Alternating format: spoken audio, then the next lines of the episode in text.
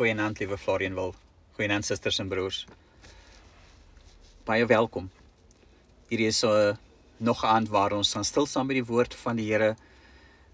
Stil staan by ons tema 'n lewe voor die aangesig van God.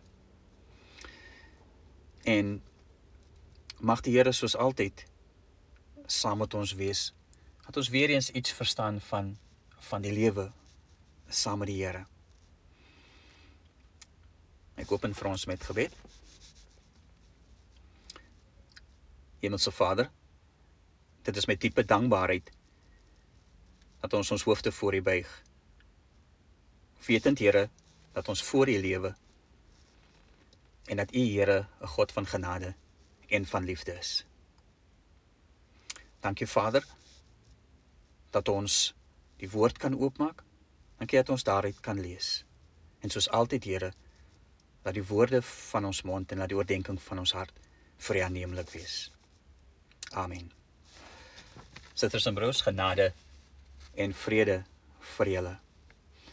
Ons teksgedeelte is vanuit die boek Psalm, Psalm 84. Ek lees vir u vanuit die nuutste Afrikaanse vertaling, die 2020 weergawe. Psalm 84 vir die musiekleier van die Koragiete 'n Psalm. Hoe lieflik is U woning, Here, heerser oor alle magte. My hele wese verlang, ja, smag na die voorhoewe van die Here. My hart en my liggaam roep uit na die lewende God. Selfs 'n mossie vind 'n tuiste en 'n swaalkie haar nes waarin sy haar kleintjies neerlê by U altare. Here, heerser oor alle magte, my koning en my God. Gelukkig is hulle wat in u huis woon. Hulle loof u gedurig. Gelukkig is mense wie se krag in u lê. Die pelgrimstogte leef in hulle gedagtes.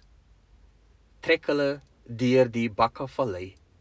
Maak hulle maak hulle daarvan 'n landskap ryk aan fonteine. Die vroeë reën maak dit selfs vol waterpoele. Hulle gaan van krag tot krag elkeen verskyn voor God in Sion. Here God, heerser oor alle magte, hoor tog my gebed. Luister tog, God van Jakob. O God, sien ons skuldig raak, sien ons skuld raak. Slaan ag op u gesalfde. Want 'n dag in die voorhoewe was beter as 1000 daar buite. Ek wag liewer op die drempel van die huis van my God as om te woon in die tente van goddeloosheid. Ja. 'n Son en skild is die Here God. Genade en eer is wat die Here skenk. Hy hou wat goed is nie terug van hulle wat onberusblik leef nie. Here, heerser oor alle magte, gelukkig is mense wat op U vertrou. Tot sover die woord van ons Here. Psalm 84. 'n Lewe voor die aangesig van God. Die lewe koram deo. Dis ons tema vir hierdie week. En vandag is dit ook waar dat ons leef in gemeenskap met God se volk. Kortliks iets oor die Psalm net. Dis 'n Psalm van die Koragiete. Hulle was leviete wat as sangers in die tempel opgetree het. En daarom as ons die Psalm lees, sien ons die nou verband tussen tussen hulle en ook die tempeldiens en die belangrikheid van die tempel. Die psalmdigter het 'n liefde vir die woning van die van die Here. In vers 2 daar is dit duidelik dat dit nie net liefde vir die tempel is nie, maar veral liefde en aanbidding vir die Heer van die tempel. Vers 3 beskryf 'n intense verlange na die tempel. Met hart en siel, met sy hele wese smag die psalmdigter na die voorhoewe van die tempel. Die voorhoof was die plek waar hulle bymekaar gekom het, waar hulle saam kon jubel voor die lewende God. Alle lof en eer aan die Here kon bring. Vers 6. Dit gaan goed met die mens wat hulle krag in U vind en graag na U tempel toe gaan. En dan sê die psalmdigter mooi: Waarlik, eendag in die tempel is beter as 'n 1000 daar buite. As ons hierdie psalm lees dan hoor ons hoe belangrik die tempel is. Hoe absoluut belangrik die huis en die woning van die Here is.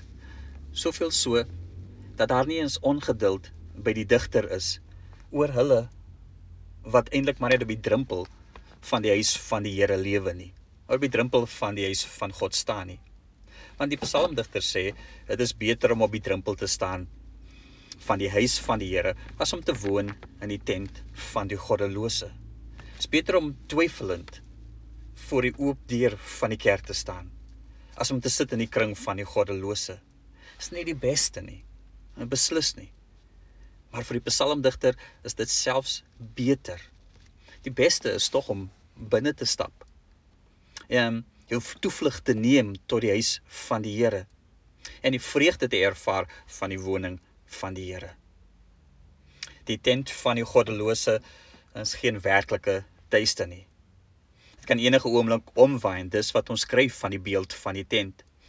Die dinge soos haat, agterdog, wantroue en die aanvanklike geselligheid kan blitsvinnig verdwyn en tyd laat vir verdeeldheid en haat en dan en dan is jy alleen.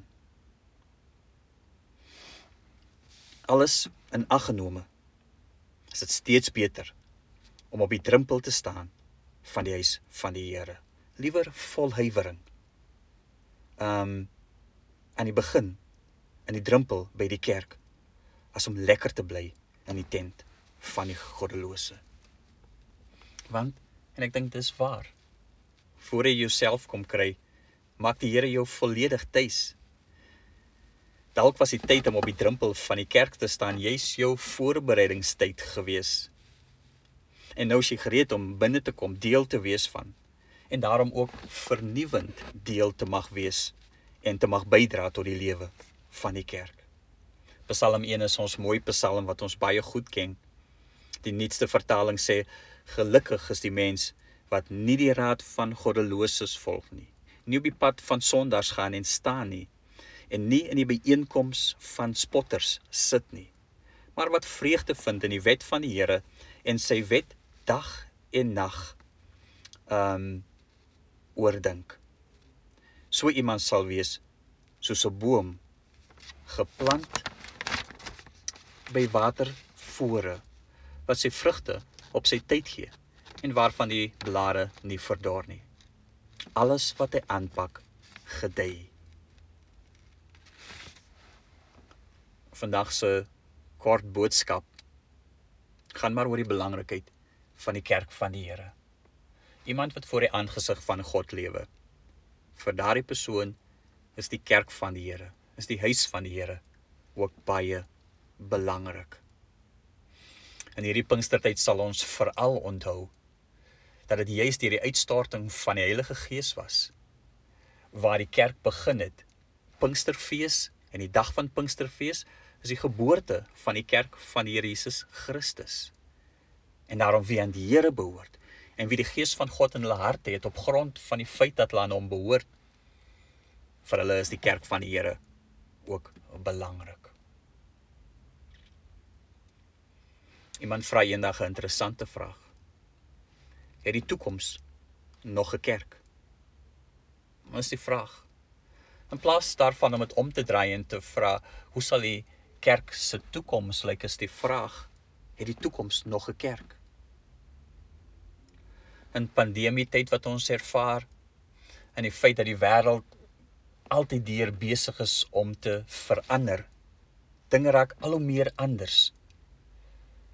Sal daar in die nabye toekoms of dan die verre toekoms sal daar nog 'n kerk wees? En dan praat ons meer net van geboue of nog steeds enkele formele byeenkomste. Ons praat van die ware kerk van ons Heer Jesus Christus. Ek dink ons verstaan vandag dat die welwees in die toekoms van die kerk is geleë in Jesus Christus. Dit is so eenvoudig en so ingewikkeld soos dit. Sal die toekoms dus nog 'n kerk hê? Baie beslis.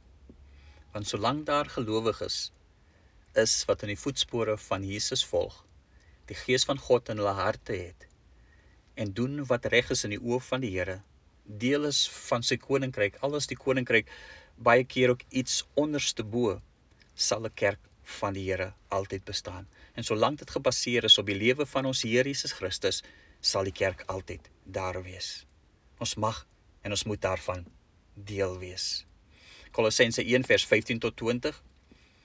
Ehm um, die voorrang van die seun, dis ons Here Jesus Christus, dan sê die apostel Paulus sê alles is deur hom en vir hom geskep. Hy is die hoof van die liggaam, sy kerk. God het besluit om met sy volle wese in hom te woon. En ek onthou altyd die woorde van Leslie Newbegin waarin hy sê dat die kerk die uitlegger van die evangelie is. Kerk plus en bly vir ons belangrik. Vir ons as Christene, lidmate van 'n kerk, doen ons ook ons beste vir die kerk van die Here om vernuwend hiervan deel te wees en die verskil te maak in die koninkryk van God. En mag ook ons daarvoor sorg dat ons kerk, ons gemeente, Florian wil altyd daar sal wees vir ons kinders en kleinkinders of dan verander maar dit altyd 'n aanbiddingsplek sal wees vir mense. Mag die Here sy kerk seën. Amen.